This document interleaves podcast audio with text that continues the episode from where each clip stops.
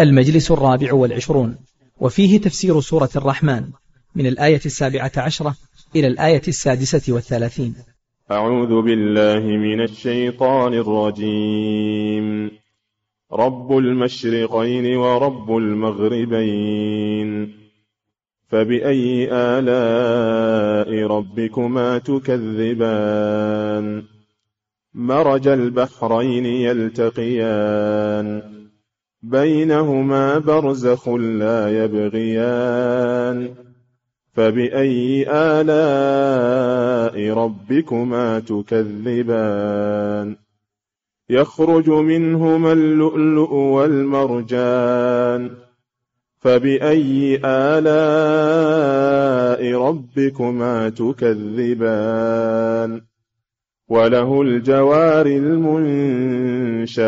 في البحر كالأعلام. فبأي آلاء ربكما تكذبان؟ كل من عليها فان. ويبقى وجه ربك ذو الجلال والإكرام. فبأي آلاء ربكما تكذبان. يسأله من في السماوات والأرض كل يوم هو في شأن. فبأي آلاء ربكما تكذبان؟ سنفرغ لكم أيها الثقلان. فبأي آلاء ربكما تكذبان.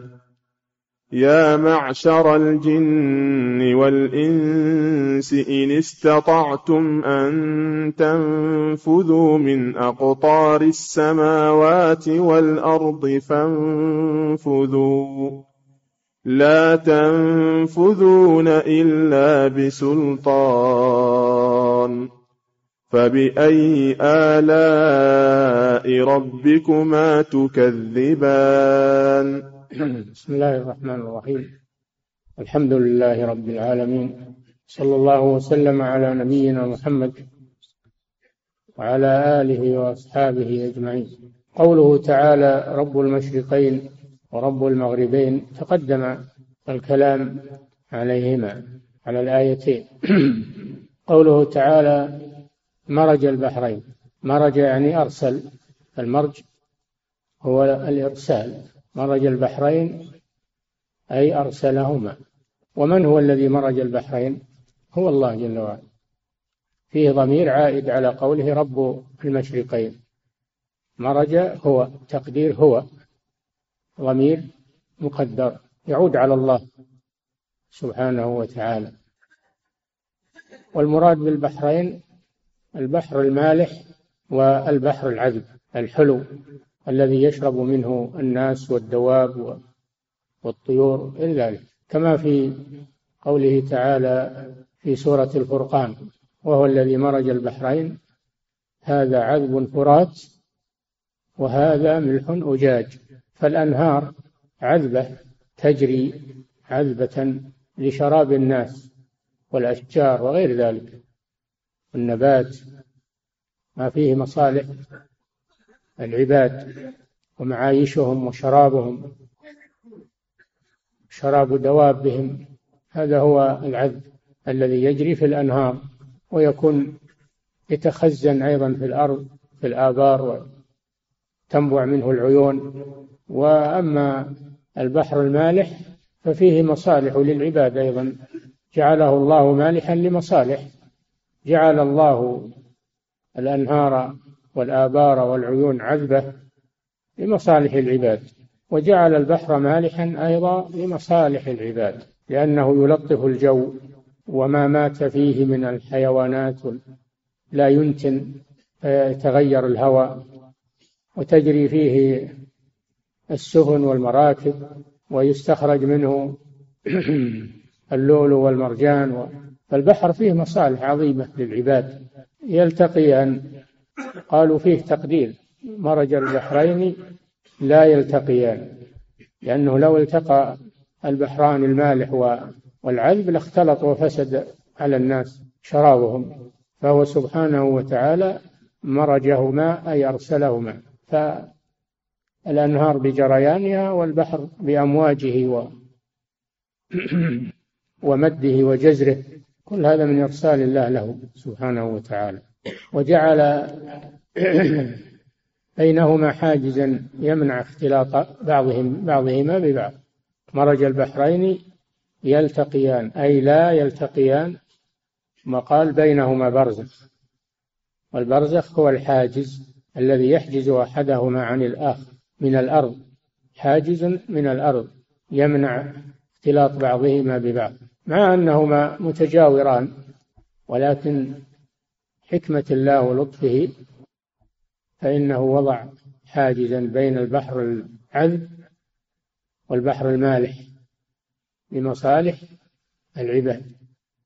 بينهما برزخ في الآية الأخرى وجعل بينهما برزخا وحجرا محجورا.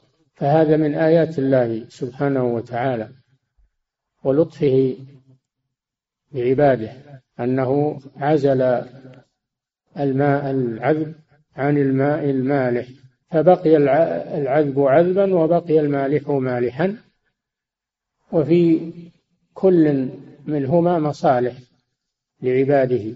مرج البحرين يلتقيان بينهما برزخ لا يبغيان لا يتجاوز أحدهما على الآخر. البغي معناه تجاوز والتعدي فكل منهما له حدود لا يتجاوزها فيختلط بالآخر مع أنهما في أرض واحدة ولكن من لطف الله جل وعلا حجز بعضهما عن بعض بينهما برزخ لا يبغيان. ثم قال فبأي آلاء ربكما تكذبان؟ أي بأي نعم الله تكذبان أيها الثقلان الجن والإنس. فهذا من نعم الله أنه أوجد البحرين وفاوت بينهما في الطعم وحجز بينهما. هذا من نعمه سبحانه وتعالى على عباده فهو من آلائه التي لا يمكن لأحد أن يكذب بها لا يمكن لأحد أن يكذب بهذه النعم بأي آلاء ربكما تكذبان. يخرج منهما اللؤلؤ والمرجان. هذا من فوائد البحر المالح.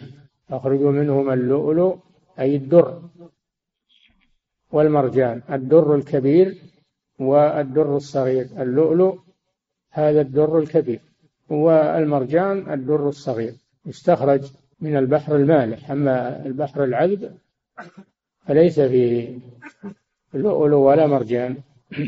هذا من باب التغليب يخرج منهما أي من أحدهما وهو البحر المالح اللؤلؤ والمرجان الذي يباع بأغلى الأثمان ويتاجر به الناس ويلبس حليا تلبسه النساء حليا ويتاجر به التجار بأغلى الأثمان.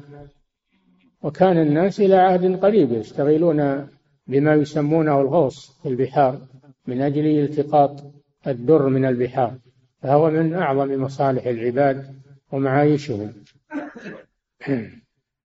يستخرجون منه حلية تلبسونها حلية تلبسونها يعني تلبسها النساء. يخرج منهما اللؤلؤ والمرجان. ثم قال فبأي آلاء ربكما تكذبان؟ من يكذب بهذه النعمة ويجحدها أو ينسبها إلى غير الله سبحانه وتعالى؟ لا أحد. فهذا تقرير للتوحيد وإفراد الله بالعبادة سبحانه وتعالى. فإذا كان لا يقدر على هذا إلا الله فإنه هو المستحق للعبادة. وأن ما يعبد من دونه عبادته باطلة لأنه لا يملك شيئا من ذلك. ولا يقدر على شيء بل هو محتاج فقير. يخرج منهما اللؤلؤ والمرجان فبأي آلاء ربكما تكذبان. ثم قال وله الجوار المنشآت.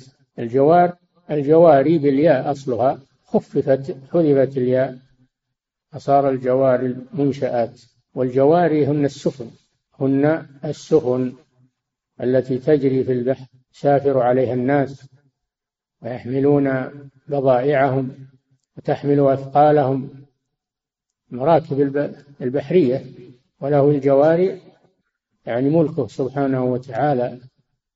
المنشآت منشآت أي المرفوعات في البحار تصنع من الخشب والمسامير حتى تكون أمثال الجبال بالارتفاع والضخامة وهي على ماء. ومحملة بالناس وبالبضائع وهي على ماء ولا ولا تغوص بالماء. من الذي حملها؟ هو الله جل وعلا. هذا من آيات الله سبحانه وتعالى. أنت لو تأتي بقطعة صغيرة من الحجر أو من الحديد ثم تلقيها في الماء تغوص. تغوص في الحال. وأما هذه المراكب على ضخامتها فإنها تسير على الماء و وأيضا تقف على الماء. إن يشأ يسكن الريح فيظللن رواكد على ظهره. ما تغوص. هذا من آيات الله جل وعلا. تسخيره. ولو شاء لأغرقها ولهذا أحيانا يرسل الله عليها الأمواج والرياح. تغرق ليري العباد قدرته سبحانه وتعالى ونعمته عليهم. فإذا مسكم الضر في البحر ولا من تدعون إلا إياه حتى إذا هو الذي يسيركم في البر والبحر حتى إذا كنتم في الفلك والفلك هي السفينة وجرين بهم بريح طيبة فرحوا بها أتتها ريح عاصف وجاءهم الموج من كل مكان وظنوا أنه محيط بهم. دعوا الله مخلصين له الدين. أين أنجيتنا من هذه لنكونن من الشاكرين.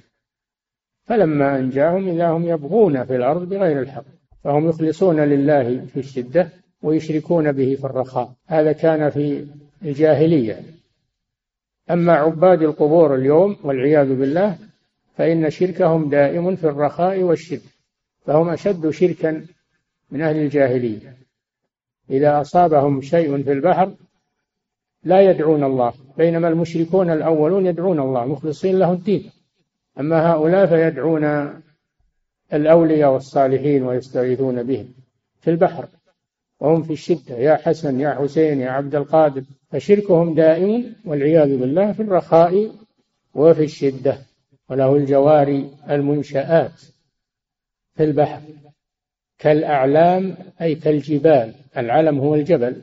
الأعلام جمع علم وهو الجبل المرتفع فهي كالجبال ومع هذا ترسي تقف على الماء وتسير على الماء تسيرها الرياح أو تسيرها المكاين في الوقت الحاضر والوقود فالله هو الذي يسيرها ويحفظها بما فيها على موج على أمواج المياه على متن العباب هذا من آياته سبحانه وتعالى.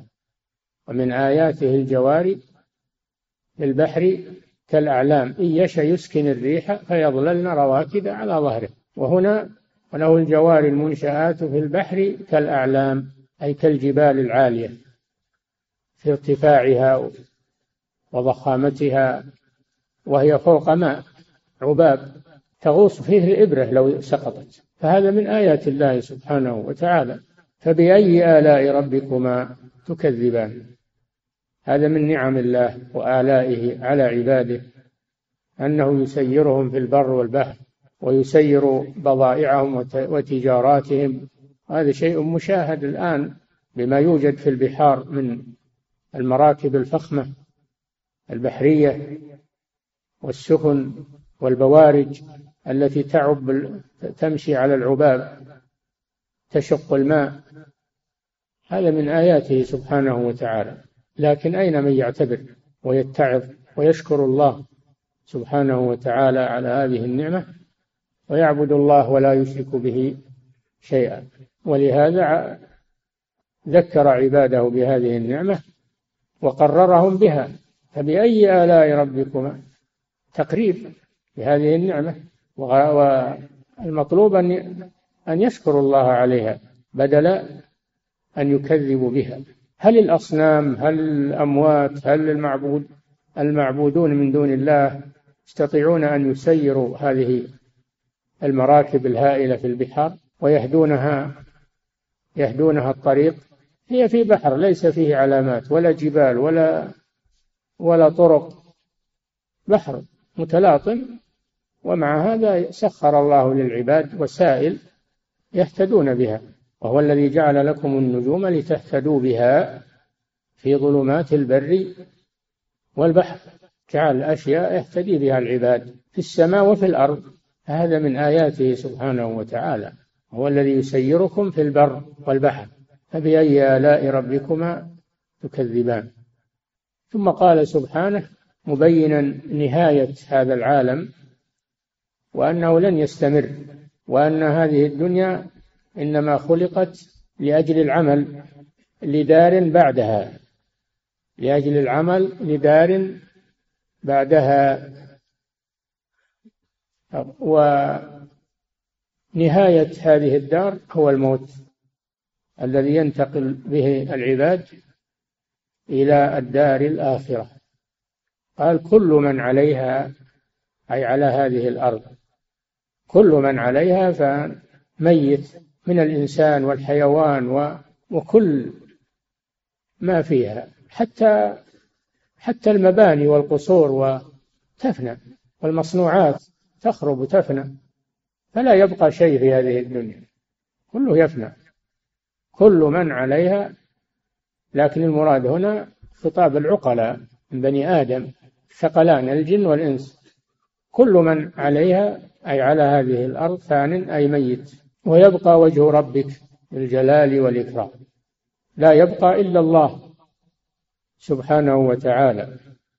فله البقاء الدائم الحي الذي لا يموت. توكل على الحي الذي لا يموت. سبح بحمده. ولا تتوكل على الحي الذي يموت من الجن والإنس أو الأولياء والصالحين أو غير ذلك. هذا يموت يترك. لكن توكل على الحي الذي لا يموت. ويبقى وجه ربك. ثم قال ذو الجلال والإكرام. وصف وجهه سبحانه بالجلال والإكرام. الجلال العظمة التي لا يعادلها شيء. والإكرام أي الذي يكرم عباده يكرم عباده بالنعم والطاعة والجزاء الحسن. ويكرمه العباد أيضا بالعبادة والثناء عليه والشكر. له سبحانه وتعالى فهو المستحق للإكرام والمستحق المستحق للإجلال والمستحق للإكرام سبحانه وتعالى ويبقى وجه ربك. وهذا كما في الآية الأخرى كل شيء هالك إلا وجهه كل شيء هالك إلا وجهه ويبقى وجه ربك بالجلال والإكرام. والوجه صفة من صفات الله الذاتية. فله وجه سبحانه وتعالى يليق بجلاله وبعظمته ويبقى وجه ربك ذو الجلال والإكرام. فبأي آلاء ربكما تكذبان؟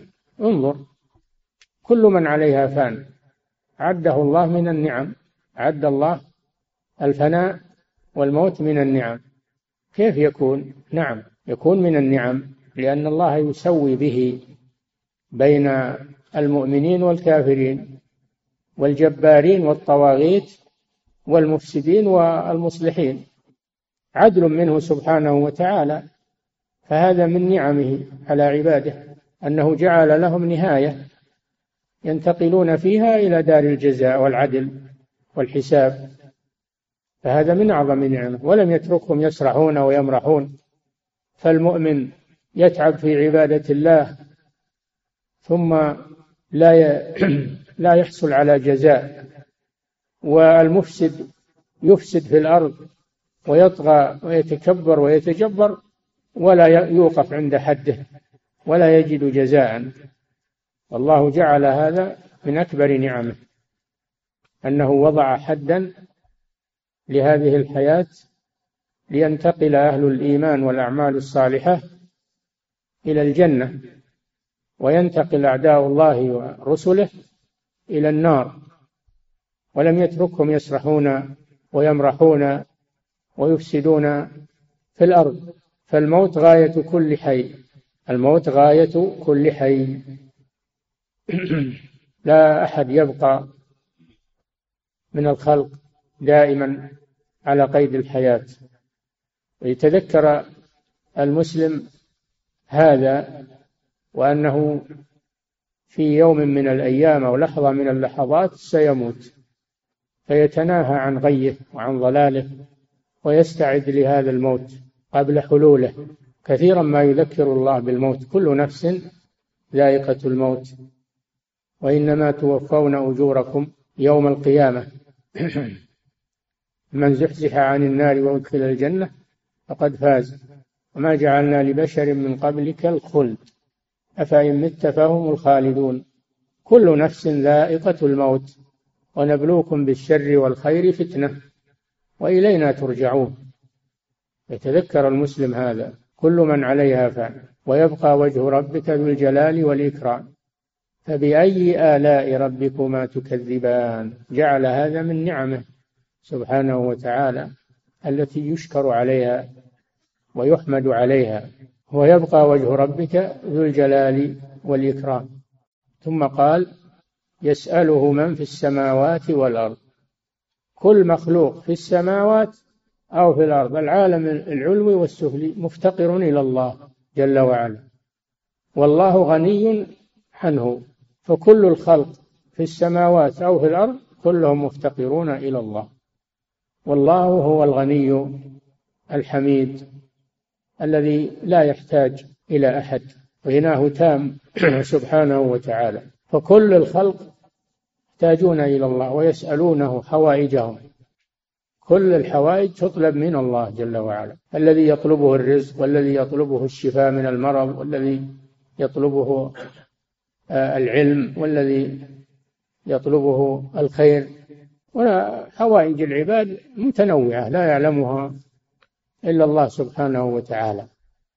ويعطي إذا شاء يعطي كل سائل سؤله ولا ينقص ذلك مما عنده شيئا. ولا يتبرم أو يكره سؤال عبادة بل يفرح بذلك ويحثهم على أن يسألوه سبحانه وتعالى. حثهم على أن يسألوه ولا يكره سؤالهم بخلاف ابن آدم فإنك إذا سألته فإنه يتبرم من ذلك ويكره ذلك. ولهذا يقول الشاعر الله يغضب إن تركت سؤاله وبني آدم حين يسأل يغضب. فالله جل وعلا يحب من عباده أن يسألوه وأن يلحوا عليه وأن يطلبوا منه ولا تقف عند حد في الطلب. اسأل الله الفردوس الأعلى والنعيم المقيم واسأله من خير الدنيا والآخرة. فإنك تسأل غنيا كريما قريبا مجيبا. يسأله من في السماوات والأرض. ولا يسألون غيره. لا يسألون غيره لأنهم يعلمون أنه لا يقدر على الإجابة وقضاء الحوائج إلا الله سبحانه وتعالى. وحتى الذين يعبدون غير الله يريدون أن يجعلوهم وسائط إلى الله في قضاء حوائجهم. فالسؤال كله لله جل وعلا. ولكن هؤلاء غلطوا فجعلوا بينهم وبين الله وسائط وهو سبحانه لا يحتاج إلى وسائط. هو يسمع ويجيب سبحانه وتعالى ويريد أن أن يعطي عباده إذا سألوه ولا يليق به أن يجعل وسائط بينهم وبينه مجرد وسائط. أما إذا عبدوا هذه الوسائط وظنوا أن عبادتهم لها تقربهم إلى الله فهذا هو الشرك الأكبر. ويعبدون من دون الله ما لا يضرهم ولا ينفعهم ويقولون هؤلاء شفعاؤنا عند الله ليقربونا إلى الله زلفى. فالله جل وعلا يسأل مباشرة بدون واسطة أحد. وإذا طلبت من أحد من الصالحين الأحياء أن يدعو الله لك فلا مانع وكونك تدعو الله أنت أفضل وأحسن. أما أن تدعو ميتا أو غائبا أو جنيا أو فهذا شرك بالله سبحانه وتعالى. يسأله من في السماوات والأرض. كل يوم أي كل وقت. كل يوم أي كل وقت. هو في شأن من شؤون ملكه جل وعلا.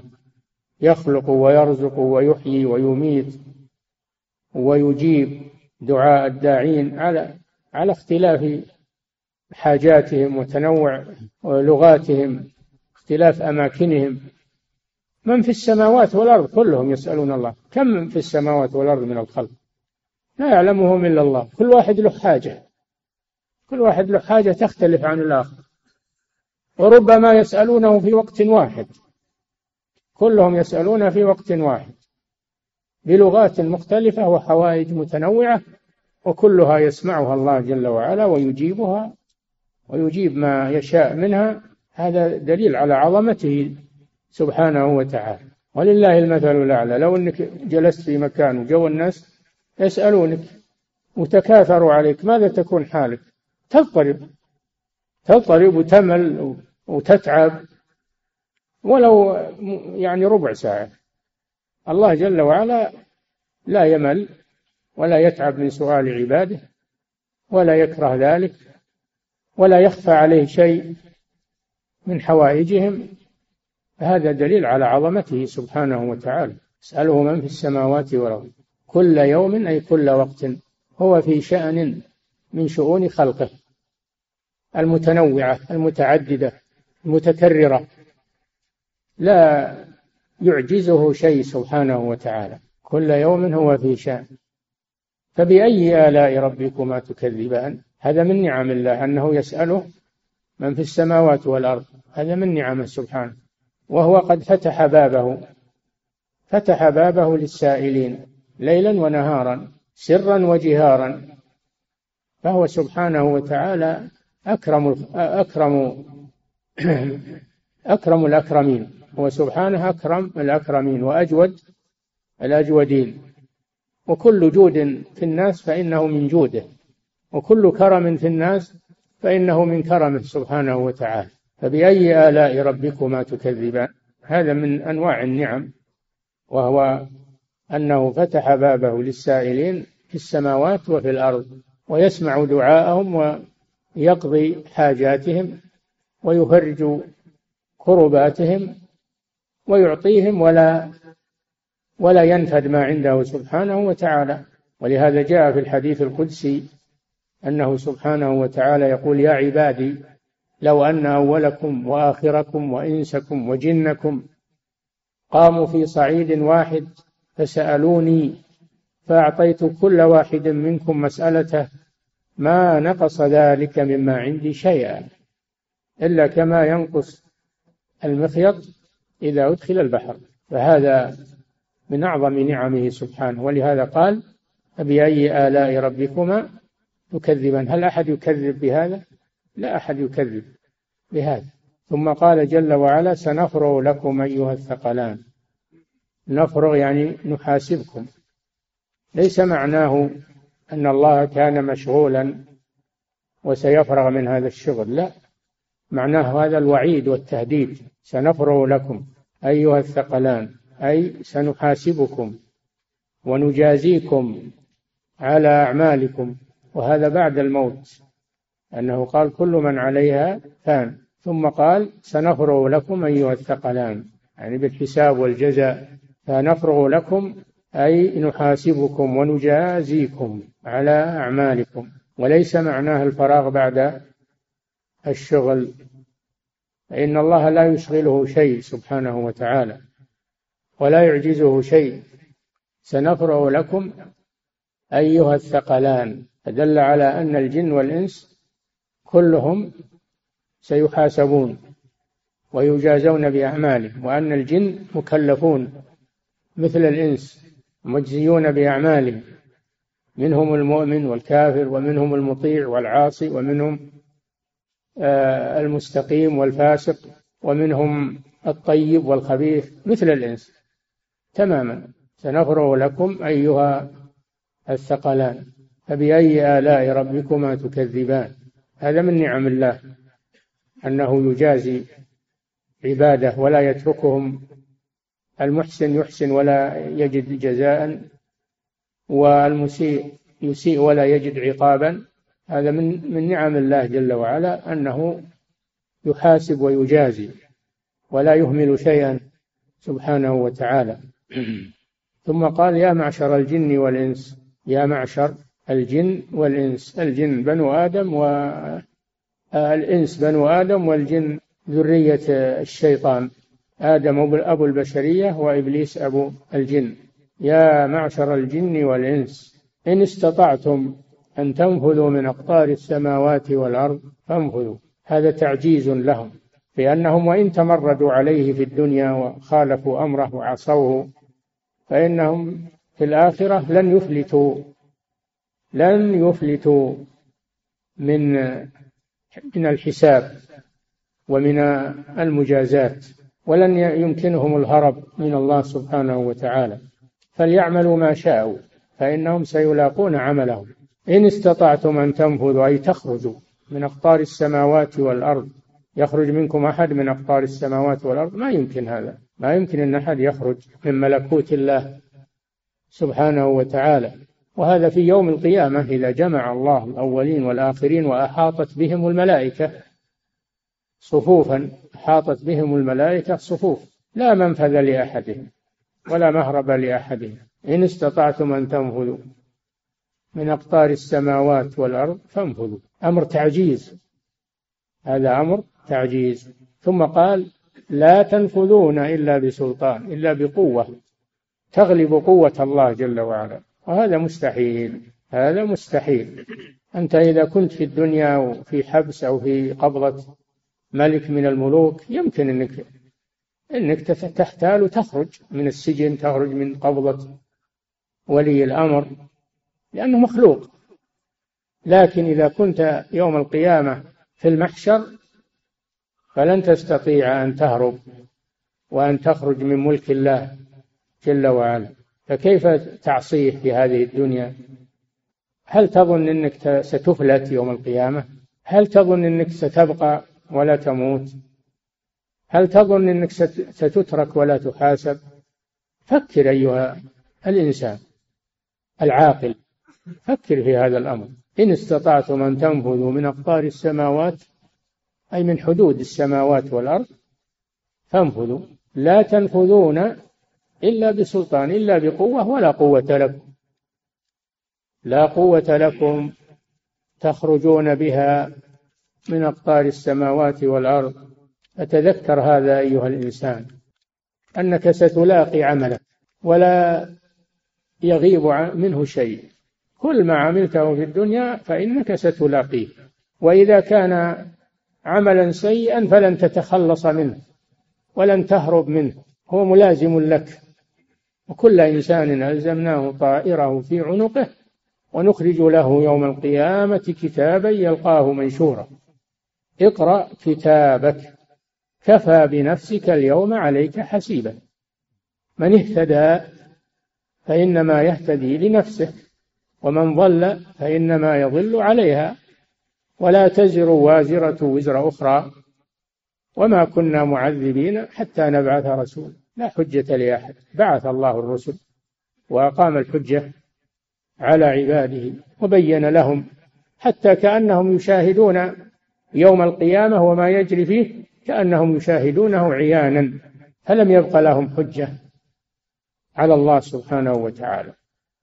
ثم قال يرسل عليكما شواظ شواظ من نار ونحاس فلا تنتصران من حاول إنه يخرج من أقطار السماوات والأرض فإنه لن يستطيع لأنه يرسل عليه الشواظ وهو اللهب الخالص. شواظ من نار وهو اللهب الخالص. شواظ من نار ونحاس وهو الدخان الذي لا لهب فيه. هذا النحاس الدخان الذي لا لهب فيه أو الدخان المختلط بشيء من اللهب. وقيل المراد بالنحاس على حقيقته وهو المعدن أنه يذاب يوم القيامة. يذاب يوم القيامة ويلقى على يلقى على هؤلاء المجرمين تعذيبا لهم والعياذ بالله. يرسل عليكما شواظ من نار ونحاس فلا تنتصران. لا تنتصران على هذا الشواظ وعلى آه، هذا وعلى هذا النحاس بل يغلبكم ذلك وتقعوا وتقعون تحت وطأته ولا يفلت منكم أحد فلا تنتصران. فبأي آلاء ربكما تكذبان؟ هذا من نعم الله عز وجل التي يشكر عليها أنه لا أحد يتخلص من عمله يوم القيامة لا المحسن ولا المسيء ولا العادل ولا الظالم ولا الطاغي والباغي ولا المحسن التقي. فكل سيلقى عمله الذي لا مخلص له منه ولا من جزائه. فهذا من نعم الله إنه لا يضيع لا يضيع أعمال عباده لا يضيع أعمال عباده. فلا يترك المحسن بدون جزاء ولا يترك المسيء بدون عقاب. هذا من عدله سبحانه وتعالى.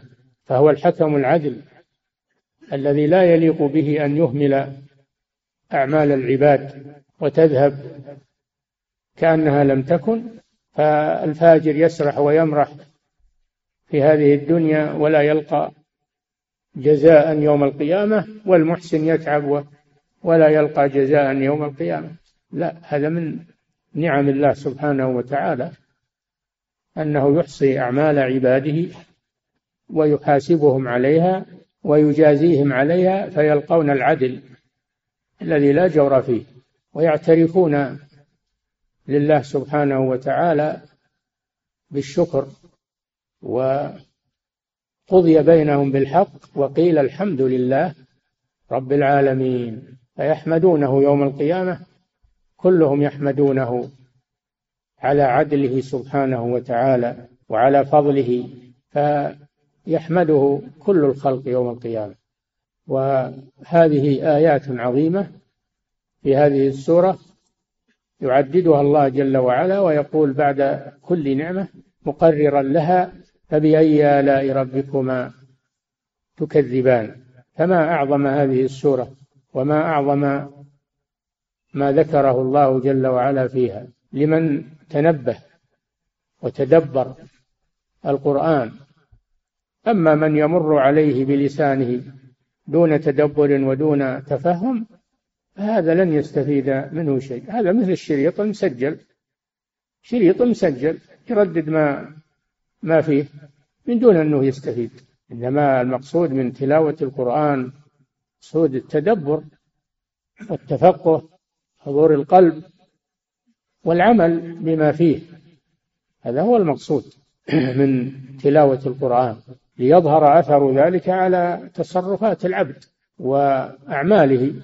الذي يتأثر بالقرآن وينتفع به يظهر ذلك على أعماله وعلى تصرفاته.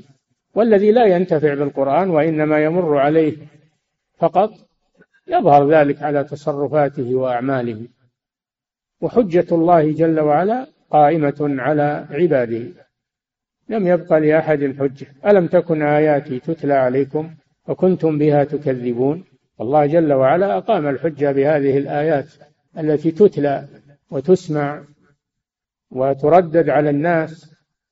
ليس الغرض من تلاوة القرآن التلذذ بالصوت تلذذ بالصوت وحسن الصوت وتجويد. ليس الغرض هذا. الغرض هو التدبر والعمل. والاعتبار والاتعاظ. هذا هو الغرض من تلاوة القرآن. هذا ونسأل الله سبحانه وتعالى أن يمن علينا وعليكم بالفقه في دينه والعمل بطاعته والإخلاص لوجهه الكريم. صلى الله وسلم على نبينا محمد وعلى آله وأصحابه أجمعين. أحسن الله إليكم سماحة الوالد يقول السائل في قول الله تعالى يخرج منهما اللؤلؤ والمرجان. يقول في قوله منهما كيف نعرف أنها للتغليب؟ كيف؟ يقول أحسن الله إليكم في قوله تعالى يخرج منهما اللؤلؤ والمرجان. في قوله منهما كيف نعرف أنها للتغليب؟ أنها؟ للتغليب. نعم لأن اللؤلؤ والمرجان لا يخرج من الأنهار وإنما يخرج من البحار. هذا هو الواقع والمعروف. نعم. أحسن الله إليكم سماحة الوالد يقول السائل بعض من يعتني بالإعجاز القرآني فسر قوله تعالى بينهما برزخ لا يبغيان قال إن بين كل بحر وبحر مياه فيها صفة بهذا البحر وصفة بالبحر الآخر لكنه يمنع امتزاج ماء البحرين بعضهما ببعض حيث إن العلم الحديث قد أثبت ذلك فهل تفسر الآية بهذا المعنى؟ القرآن لا يفسر إلا بالأوجه التفسير المعروف لا يفسر بالآراء وبالنظريات الحديثة أو ما يسمونه بالعلم الحديث لا يفسر بهذا لأن نظريات مبنية على الظن وتختلف وربما تكون خاطئة ويجي نظريات أخرى تكذبها. فلا تجعل تفسيرا للقرآن الذي هو كلام الله لأن تفسير القرآن بغير الوجوه آه، الصحيحة تقول على الله بغير علم تقول على الله بغير علم. تخرص. نعم. أحسن الله إليكم سماحة الوالد يقول السائل في قوله تعالى ويبقى وجه ربك. هل يفسر الوجه هنا بالذات كما يقوله بعض المفسرين مع إثبات صفة الوجه لله سبحانه على ما, على ما يليق بجلاله؟ هذا باطل. تفسير الوجه بالذات هذا باطل. بل يفسر الوجه بالصفة الذاتية لله سبحانه وتعالى على أنه وجه يليق بجلاله سبحانه وتعالى كسائر صفات. نعم. والذات ما تسمى وجها. الذات لا تسمى وجها في لغة العرب. نعم. أحسن الله إليكم سماحة الوالد. يقول السائل أشكل علي قوله سبحانه كل شيء هالك إلا وجهه مع قوله تعالى ويبقى وجه ربك ذو الجلال والإكرام. يقول هل المقصود بهاتين الآيتين أن الذي يبقى هو الوجه فقط أما يبقى الله جل وعلا يبقى الله جل وعلا. لكنه ذكر الوجه لعظمته وجلاله سبحانه وتعالى. نعم. أحسن الله إليكم سماحة الوالد. يقول السائل في تفسير قوله تعالى مرج البحرين يلتقيان قال الشيخ عبد الرحمن السعدي رحمه الله المراد بالبحرين البحر العذب والبحر المالح فهما يلتقيان فيصب العذب في المالح ويختلطان ويمتزجان. ولكن الله تعالى جعل بينهما برزخا من الأرض حتى لا يبغي أحدهما على الآخر ويحصل النفع بكل منهما. فما رأيكم في قول الشيخ رحمه الله؟ هذا جريان على النظريات الحديثة ولا دليل عليها. قول المفسرين القدامى هو ما ذكرته لكم وأما أنه يختلط ولا يمتزج فهذا بناء على النظريات الحديثة الله أعلم بها. نعم. أحسن الله إليكم. سماحة الوالد يقول السائل في قوله تعالى فبأي آلاء ربكما تكذبان؟ هل تفيد هذه الآية توحيد الله تعالى المستحق للعبادة وحده لا شريك له وتفيد تقرير النعمة لله تعالى؟ بلا شك. هذا بلا شك. أن أنهم يقرون بهذه النعمة أو هذه النعم أنها من الله وحده فيجب عليهم أن يعبدوه وحده ولا يشركوا به شيئا. هذا رد على المشركين. الذين جعلوا لله شركاء وهم هؤلاء الشركاء لا يملكون شيئا من هذه النعم ولا يقدرون عليها. نعم. أحسن الله إليكم سماحة الوالد. يقول السائل في قول الشاعر كل شيء مصيره الزوال غير ربي وصالح الأعمال. هل فيه محذور عقدي؟ ما فيه محذور عقدي. أقول ليس فيه محذور عقدي. الأعمال الصالحة تبقى لأهلها والأعمال السيئة أيضا تبقى لأهلها. فلو قال والأعمال لو ولا خص صالح الأعمال قال والأعمال نعم. يبقى هذا لهم. نعم. أحسن الله إليكم سماحة الوالد. يقول السائل أشار علي بعضهم بكتاب التفسير الوجيز لوهبة الزحيلي وكتاب مباحث في علوم القرآن لمناع القطان. فما رأي فضيلتكم فيها؟ مباحث في علوم القرآن هذا ليس تفسيرا وإنما هو في أصول التفسير. لما درس الشيخ مناع رحمه الله أصول التفسير كتب مذكرة في ذلك ثم طبعها. فهذا في أصول التفسير وليس بالتفسير وأما تفسير وهبة الزحيلي فأنا لم أطلع عليه. أنا لم أطلع عليه ولا أدري. نعم. أحسن الله إليكم. سماحة الوالد يقول السائل ما رأي فضيلتكم في كتاب سيد قطب في ظلال القرآن؟ أنتم تعلمون ما ما أخذ عليه من المآخذ. وعندنا من التفاسير الموثوقة المفيدة ما يغني عنه والحمد لله. نعم. أحسن الله إليكم. سماحة الوالد يقول السائل ما الرد على من يقول إننا نتخذ الوسائط لأننا مذنبون؟ هذا قول المشركين الأولين هذا قول المشركين الأولين يقولون نتخذهم شفعاء لنا عند الله لأننا مذنبون وهم يشفعون لنا عند الله. والله رد عليهم ذلك وعده شركا ويعبدون من دون الله. وقال يعبدون من دون الله ما لا يضرهم ولا ينفعهم ويقولون هؤلاء شفعاؤنا عند الله. ما يقولون شركاء لله يقولون شفعاء. والشرك هو الشرك. ولو سمي بغير اسمه ولو سمي تشفعا أو توسلا هو الشرك. لا يجوز. نعم. أحسن الله العبارات لا تغير الحقائق. نعم. أحسن الله إليكم سماحة الوالد. يقول السائل ما المقصود بالشجرة الملعونة في القرآن؟ شجرة الزقوم. شجرة الملعونة في القرآن هي شجرة الزقوم لأن الله جعلها فتنة للظالمين وهي شجرة تخرج في أصل الجحيم. قالوا المشركون تندروا قالوا كيف الشجر ينبت في النار؟ الله عاجز أنه ينبت شجرا في النار. الله على كل شيء قدير. الله جل وعلا على كل شيء قدير. ينبت الشجر فيما شاء سبحانه وتعالى. الشجرة الملعونة هي شجرة الزقوم لأنها صارت فتنة للظالمين واستهزأوا بالرسول صلى الله عليه وسلم وتندروا منه. نعم. أحسن الله إليكم سماحة الوالد. يقول السائل في قوله تعالى يا معشر الجن والإنس إن استطعتم أن تنفذوا من أقطار السماوات والأرض فانفذوا. يقول هل هذه الآية تشير إلى شيء من صعود الإنسان؟ إلى السماء الدنيا أو صعوده إلى القمر؟ هذا قول هذا قول المحدثين العصريين لما رأوا من الصناعات والانبهار بها ظنوا أنهم يصلون إلى السماء أنهم يصلون إلى السماء. أعجبوا بصناعتهم ومهارتهم وظنوا أنهم أنهم قادرون على أن يصلوا إلى السماء. وهذا من من الترويج على الناس. هذا من الترويج على الناس. السماء رفيعة وبعيدة ولا ولا يصلون إليها ودون حرس ودونها ما هي السماء سهلة يصلون إليها. نعم. أحسن الله إليكم. سماحة الوالد يقول السائل ما هي أنواع هجر القرآن؟ نعم. يقول أحسن الله إليكم ما هي أنواع هجر القرآن؟ هجر القرآن أنواع. هجر التلاوة وهجر التدبر وإن تلاه فإنه لا يتدبره. وهجر العمل به وإنه وإن تلاه وتدبره لا يعمل به. وهجر الحكم به على الناس في مقالاتهم وفي منازعاتهم فلا يحكمون القرآن. هذا كله هجر للقرآن الكريم. نعم. أحسن الله إليكم. سماحة وهجر الاستدلال به. هجر الاستدلال به واستبداله بالمنطق وعلم الكلام كل هذا من هجر القرآن.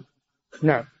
أحسن الله إليكم سماحة الوالد. يقول السائل ما هو الكتاب الذي يوصي به سماحتكم بحفظه ومراجعته في مفردات القرآن وغريبه؟ ما أنت بحافظ كتب المفردات لكن طالعها مطالعة تستفيد منها مثل المفردات للراغب الأصفهاني ومثل كتب الغريب غريب القرآن وغريب السنة وطالعها تستفيد منها ولا الحفظ لا لا تستطيع حفظها. نعم. أحسن الله إليكم سماحة الوالد يقول السائل في قوله تعالى والنجم والشجر يسجدان فسر بعض المفسرين بأن النجم هو ما لا ساق له من النبات. فهل لهذا التفسير وجه؟ نعم هذا هو الظاهر لأن قابله بالشجر فالنجم ما ليس له ساق والشجر ما له ساق. والعشب يسمى نجما في لغة العرب. هذا مأخوذ من لغة العرب. نعم. أحسن الله إليكم سماحة الوالد. يقول السائل هل معنى قوله تعالى ويبقى وجه ربك؟ أي ويبقى ربك أم أن هذا تحريف؟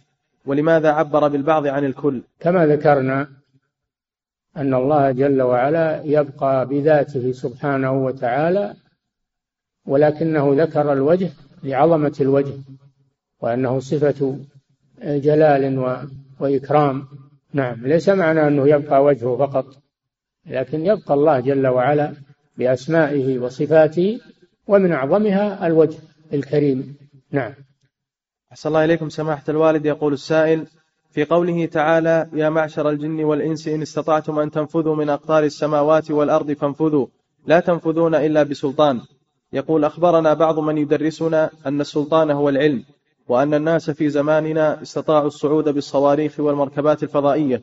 فهل هذا التفسير صحيح؟ لا ما هو صحيح. والآية في ما هي في الدنيا؟ الآية في الآخرة.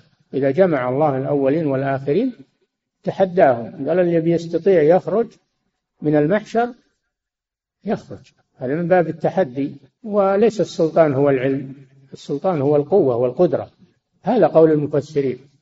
أما من أعجب بمعلومات الغرب وصار يفسر بها القرآن فهذا من القول على الله بغير علم. وهذا في الآخرة وليس في الدنيا. وهل الصواريخ تستطيع الخروج من أقطار السماوات والأرض؟ يا سبحان الله. صواريخ تستطيع الخروج من ملكوت الله جل وعلا؟ من السماوات والأرض؟ لا أحد يستطيع هذا. نعم. والآخرة ما فيها صواريخ. بل يعجزون. يوم القيامة يتجرد الإنسان ما حتى أنه عريان ما عليه ثياب عريان ما عليه ثياب هو قاعد يصنع وينشي مصانع وينتج صواريخ. هذا من الخرافات والقول على الله بغير علم. نعم. أحسن الله إليكم سماحة الوالد. يقول السائل ما فائدة التكرار في قوله تعالى فبأي آلاء ربكما تكذبان تقرير. تقرير النعم. كل نعمة يقول الله فبأي آلاء ربكما تكذبان. هذا من باب التقرير. تقرير هذه النعم. وأن لا أحد ينكرها. وما دام لا أحد ينكرها فلماذا يعبد غير الله جل وعلا؟ نعم. أحسن الله إليكم سماحة الوالد. يقول السائل في قوله تعالى كل من عليها فان هل يشمل الملائكة؟ يشمل من كتب الله عليه الفناء. يشمل كل من كتب الله عليه الفناء فإنه يفنى. ونفخ في الصور فصعق من في السماوات ومن في الأرض إلا من شاء الله استثنى الله. ولا يعلم من استثناه إلا الله جل وعلا. هذا في علم الله جل وعلا. نعم. أحسن الله إليكم سماحة الوالد. يقول السائل أرجو من فضيلتكم توجيه كلمة لمن يفسر القرآن بما يسمى بالإعجاز العلمي. إذ أن كثيرا من الناس اليوم أصبح هذا الإعجاز عنده من أصول العقيدة. عليهم أن يتقوا الله ولا يقول على الله بغير علم. ولا يقولون هذا هو تفسير القرآن. لكن لو أنهم قالوا ربما أن الآية تشير إلى هذا الشيء من باب الاحتمال لا من باب الجزم لهان الأمر. أما أنهم يقولون هذا هو تفسير الآية والأولون اللي فسروها الأولون غلطوا. بعضهم يقول هذا والتفاسير القديمة صارت غلط. تو يجي تفسير القرآن فهذا تجري على الله سبحانه وتعالى. لو قالوا يحتمل إن, إن هذا يدخل في معنى الآية أو أن الآية تشمله من باب التوقع لهان الأمر. لكن الجزم هذا صعب. أن تقول هذا مراد الله جل وعلا. وأشد من ذلك إذا اعتقدت أن التفاسير الأولى ليست بصحيحة. نعم. أحسن الله إليكم. سماحة الوالد يقول السائل الأقوال المأثورة عن السلف في التفسير هل تقبل بدون البحث في السند؟ أم لا بد من البحث في السند الموصل إلى أصحاب هذه الأقوال؟ يا أخي العلماء الراسخون دونوا هذه الآثار وهذه الأقوال ومحصوها وهم محل الثقة. هم محل الثقة ولله الحمد. لأن عندهم من العلم والرسوخ في العلم ما ليس عندك. فيكفي أن تقتدي بهم وأن تستفيد من كلامهم ولا تتشكك في ذلك. نعم. أحسن الله إليكم سماحة الوالد. يقول السائل ما هو تفسير قوله تعالى ما نعبدهم إلا ليقربونا إلى الله زلفى واضح. حجتهم أنهم يعبدون الأصنام ويقولون نحن نريد منها أنها تشفع لنا إلى الله. تقربنا إلى الله زلفى يعني تشفع لنا عند الله تتوسط لنا عند الله. يسمونه توسط وتشفع وهو شرك. لهذا قال سبحانه وتعالى عما يشركون في ختام الآية. نعم. أحسن الله إليكم سماحة الوالد. يقول السائل ما هي أفضل الكتب لدراسة إعراب القرآن؟ إعراب؟ القرآن. فيه كتب للإعراب مثل العكبري تفسير إعراب القرآن للعكبري هذا موجود وجيد وفيه غيره. نعم. والغالب أن أن التفاسير تعرب الآية. كثير من التفاسير يعتني بإعراب الآية خصوصا آه، البحر المحيط لأبي حيان. يعتنون بالوجوه اللغوية والإعراب أكثر من غيرهم. المفسرون لهم اتجاهات منهم من يعتني باللغة والإعراب ومنهم من يعتني بالفقه ومنهم من يعتني بالآثار المروية. نعم. أحسن الله إليكم. سماحة الوالد يقول السائل في قوله تعالى كل يوم هو في شأن يقول ما أصل كلمة شأن وما تفسيرها هنا؟ الشأن كل يوم هو في شأن من من شؤون ملكه سبحانه وتعالى. من شؤون ملكه وتدبيره وقضائه وقدره جل وعلا. نعم. أحسن الله الشأن هو الشيء المهم. الشأن هو الشيء المهم. نعم. أحسن الله إليكم سماحة الوالد. يقول السائل من استدل على أنه لا يوجد أحد يصل إلى سجين وهي الأرض السابعة في الحياة الدنيا بقوله تعالى لا تنفذون إلا بسلطان فهل الاستدلال صحيح أم أنه خاص بيوم القيامة؟ من الأحياء لا أحد يصل إلى سجين وأما من الأموات فأرواح الكافرين تذهب إلى سجين. الله على كل شيء قدير. نعم. أحسن الله إليكم سماحة الوالد. يقول السائل يقول أحد المدرسين في الجامعة إن الله سبحانه قد خلق القلم وقال له اكتب فهذا يعني أن القلم يعلم ما في اللوح المحفوظ أي أنه يعلم الغيب. وبالتالي فهناك بعض المخلوقات تعلم الغيب وقد ينكشف لبعض الناس بعض الغيبيات. كما يحصل عند بعض الصوفية من الكواشف. فهل, فهل فهذه يكون بعضها صحيحا؟ فما صحة هذا القول؟ أرجو أن لا يكون هذا المدرس موجودا في مدارسنا وفي المملكة. فإن كان موجودا فلا بد أن يكتب عنه يكتب عنه تقرير بهذا الكلام. أما إن كان في مدارس أخرى وفي الخارج فحسابه على الله. هذا يخبط في في كلام الله ويقول على الله بغير علم.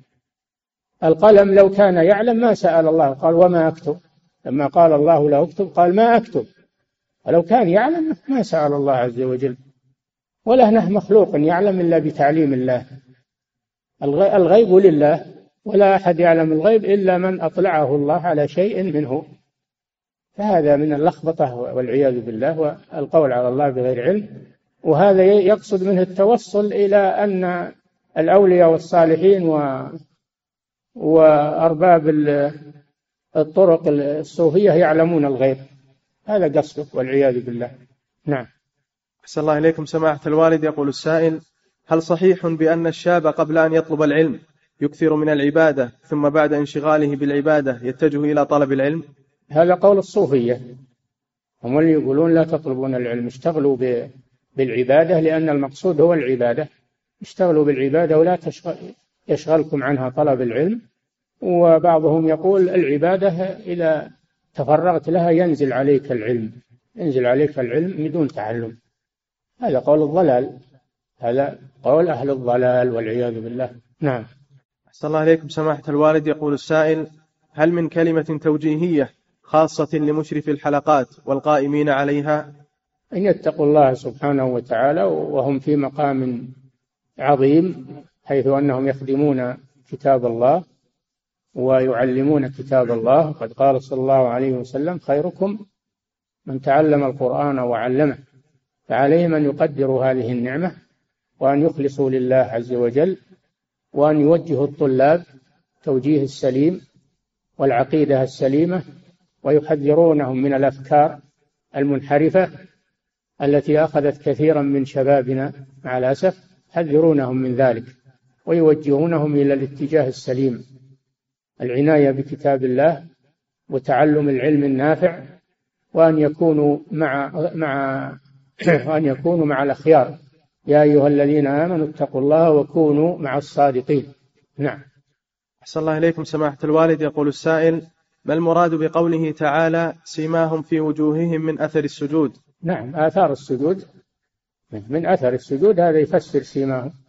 أن أن السجود أثر في جباههم من كثرة ما يسجدون لله سبحانه وتعالى. نعم. أحسن الله إليكم سماحة الوالد. يقول السائل أنا قادم على زواج ووجدت من يقرضني لكن أخشى أن تلحقني منة له فهل يجوز لي في مثل هذه الحال أن آخذ بالتورق؟ أم الأفضل لي أن أتورع عن هذه المعاملة؟ وأصبر علما بأنني أخشى على نفسي من المعاصي إذا تأخر زواجي. إذا كنت تخشى على نفسك وفيه من يداينك الدينها الشرعية فخذ. واستعن بالله وتزوج. إذا وجدت من يقرضك قرضا حسنا أو من يعطيك بالتورق إذا كان عنده سلع للبيع وباع عليك منها بثمن مؤجل ثم تبيعها على غيره تستفيد من ثمنها وإذا حل الأجل تسدد له فهذا جائز عند جمهور أهل العلم وللحاجة أيضا. حاجة الناس اليوم تقتضي هذا لأنه ما يوجد الآن من يقرض القرض الحسن إلا النادر أو القليل. فهذه هذه المعاملة إذا توفرت شروطها تكون السلعة عند الداين قبل العقد يملكها. إذا شريتها منه تقبضها قبضا تاما وتخرجها من مكانه. إلى مكان آخر تبيعها على غيره فلا بأس بذلك. نعم. أحسن الله إليكم. سماحة الوالد يقول السائل ما رأيكم في أسئلة القياس النفسي؟ وهي مجموعة أسئلة تعطى كل إجابة عليها رقم ثم في نهاية الأسئلة تجمع الأرقام ثم تحدد شخصية الإنسان وذلك بقواعد يسيرون عليها في علاقة الأرقام الشخصية ويحدد على ذلك صعوبة الإنسان وبساطته. هذا كله من الخرافات. كل هذا من الخرافات ولا فيه قياسات نفسية ولا هذا كله من خرافاتهم ومن آه، أكلهم أموال الناس بالباطل بهذه الطريقة وغير ذلك من المحاذير. نعم. وضياع الوقت. نعم. أحسن الله إليكم سماحة الوالد. يقول السائل ما المراد بحديث أبي هريرة رضي الله عنه؟ في يوم الجمعة من جاء في الساعة الأولى ومن جاء في الساعة الثانية. هل المقصود بحساب الساعات أم ماذا؟ مقصود بالساعات الجزء من الزمن. الجزء ما هو بالساعة لستين دقيقة لا. الساعة يعني الوقت. المقصود به الوقت. من جاء مبكرا في الوقت مثلا بعد طلوع الشمس أو بعد الفجر هذه الساعة الأولى. من تأخر عن ذلك؟ فهي الساعة الثانية. من تأخر؟ فهي الساعة الثانية إلى آخره. يجزأ الوقت من طلوع الشمس إلى إلى خروج الخطيب للخطبة. قسم على خمسة خمسة أجزاء. نعم. أحسن الله إليكم سماحة الوالد. يقول السائل على القول بأن الجمعة تصلى قبل الزوال فهل الخطبة والصلاة تكون قبل دخول وقت صلاة الظهر؟ وهل يستثنى من شرط دخول الوقت للصلاة؟ هذا قول مهجور ومرجوح. دخول وقت الجمعة يدخل بالزوال وهو المذهب المعتمد عند الإمام أحمد وعند جمهور أهل العلم. فلا تصلى الجمعة قبل الزوال إنما تصلى إذا دخل الوقت. تبدأ الخطبة بعد دخول الوقت. نعم. ولا تشوشوا على الناس مثل هذا لأن بلغنا أن بعضهم يصلي قبل دخول الوقت ويشوش على الناس ويشذ عن الناس. هذا لا يجوز. نعم. أحسن الله إليكم سماحة الوالد تقول السائلة أنا امرأة أود أن أجري عملية في خارج هذه البلاد وهي عملية تحديد النسل واختيار جنس الجنين ليكون المولود ذكرا وهي عبارة عن فصل الحيوانات الذكرية عن الأنثوية ليصبح لتصبح حامل بولد فهل هذا جائز؟ هذا من التخرصات ومن آه، عمل بعض الأطباء الذين يريدون أن يروجوا أفكارهم على الناس. هذا لا يصلح أبدا. والأولاد الذكور والإناث هذا بيد الله جل وعلا. يهب لمن يشاء إناثا ويهب لمن يشاء الذكور أو يزوجهم يعني يجعلهم شكلين ذكورا وإناثا. فهذا راجع إلى الله سبحانه وتعالى. أما أنهم يقدرون على تكوين الجنين وأنه يكون ذكر أو يكون أنثى فهذا من الخرافات. نعم. أحسن الله إليكم سماحة الوالد. يقول السائل أرادت أمي أن تبيع جزءا من قطعة أرض تملكها. نعم. يقول أحسن الله إليكم أرادت أمي أن تبيع جزءا من قطعة أرض تملكها لتعطي ثمنها إلى أخي الذي تسكن عنده ليشتري بها سيارة يعمل عليها. على أن تخصم هذه الحصة من حصته فيما بعد من إرثها. فهل يصح هذا العمل؟ لا. لا يجوز تخصيص بعض الأولاد بعطية ولا يقول أقسمها من ميراثه. ما يقول أقسمها من ميراثه. وش اللي يدريك إنك تبي تموت عن مال؟ يمكن تموت فقير ما عندك شيء. وتكون قد أعطيته فيما سبق خصصته فيما سبق. هذا أمر لا يجوز. أما أنك تشتري سيارة تكون على ملكها وتعطيها ولدها يستخدمها للحاجة وهي على ملكها هذا لا شيء فيه. هي ملكها ما أعطتها هي لكن يستخدمها لحاجة البيت وحاجة أمه. لا بأس بذلك. نعم. أحسن الله إليكم سماحة الوالد. يقول السائل إمام جمع العشاء مع المغرب للمطر وصليت ركعة من العشاء وصلى ركعة من العشاء ودخلت ودخل معه شخص بنية المغرب فهل فعله صحيح أم أنه يعيد الصلاة؟ إنما الأعمال بالنيات وإنما لكل امرئ ما نوى. فإذا كان نوى المغرب وكمل المغرب فلا بأس بذلك. نعم. أحسن الله إليكم سماحة الوالد. يقول السائل سمعت من شخص يقول عن الرماة الذين كانوا في غزوة أحد وعصوا النبي صلى الله عليه وسلم يقول إنهم خونة فكيف التعامل مع صاحب هذه المقولة؟ هذا هو الخائن اللي يتكلم في الصحابة هذا هو الخائن والعياذ بالله. ولا يجوز التكلم في الصحابة والبحث فيما حصل منهم لأن الله رضي عنهم وعفى عنهم وأثنى عليهم. فلا يجوز للإنسان أنه يتلمس الأخطاء لهم رضي الله عنهم. الواجب أنه يتلمس أخطاءه هو وعثراته هو ويبحث في عيوبه. ما يجوز لك تبحث في عيوب الناس غير الصحابة. فكيف تبحث في عيوب الصحابة رضي الله عنهم. نعم. صلى الله عليكم سماحة الوالد. يقول السائل هل من كلمة توجيهية لمعاملة الأزواج لزوجاتهم معاملة حسنة فأكثرهم يعاملون أزواجهم على أنها خادمة؟ فما هي أهمية المرأة في مجتمع الإسلام؟ نعم المرأة عليها أن تخدم الرجل في حدود المعروف تخدمه في حدود المعروف وعليه ألا يشق عليها في شيء لا تستطيعه. قال تعالى وعاشروهن بالمعروف. فكل من الزوجين يتعامل مع الآخر بالمعروف. ثم تصلح بعد ذلك العشرة. والله أعلم. صلى الله وسلم على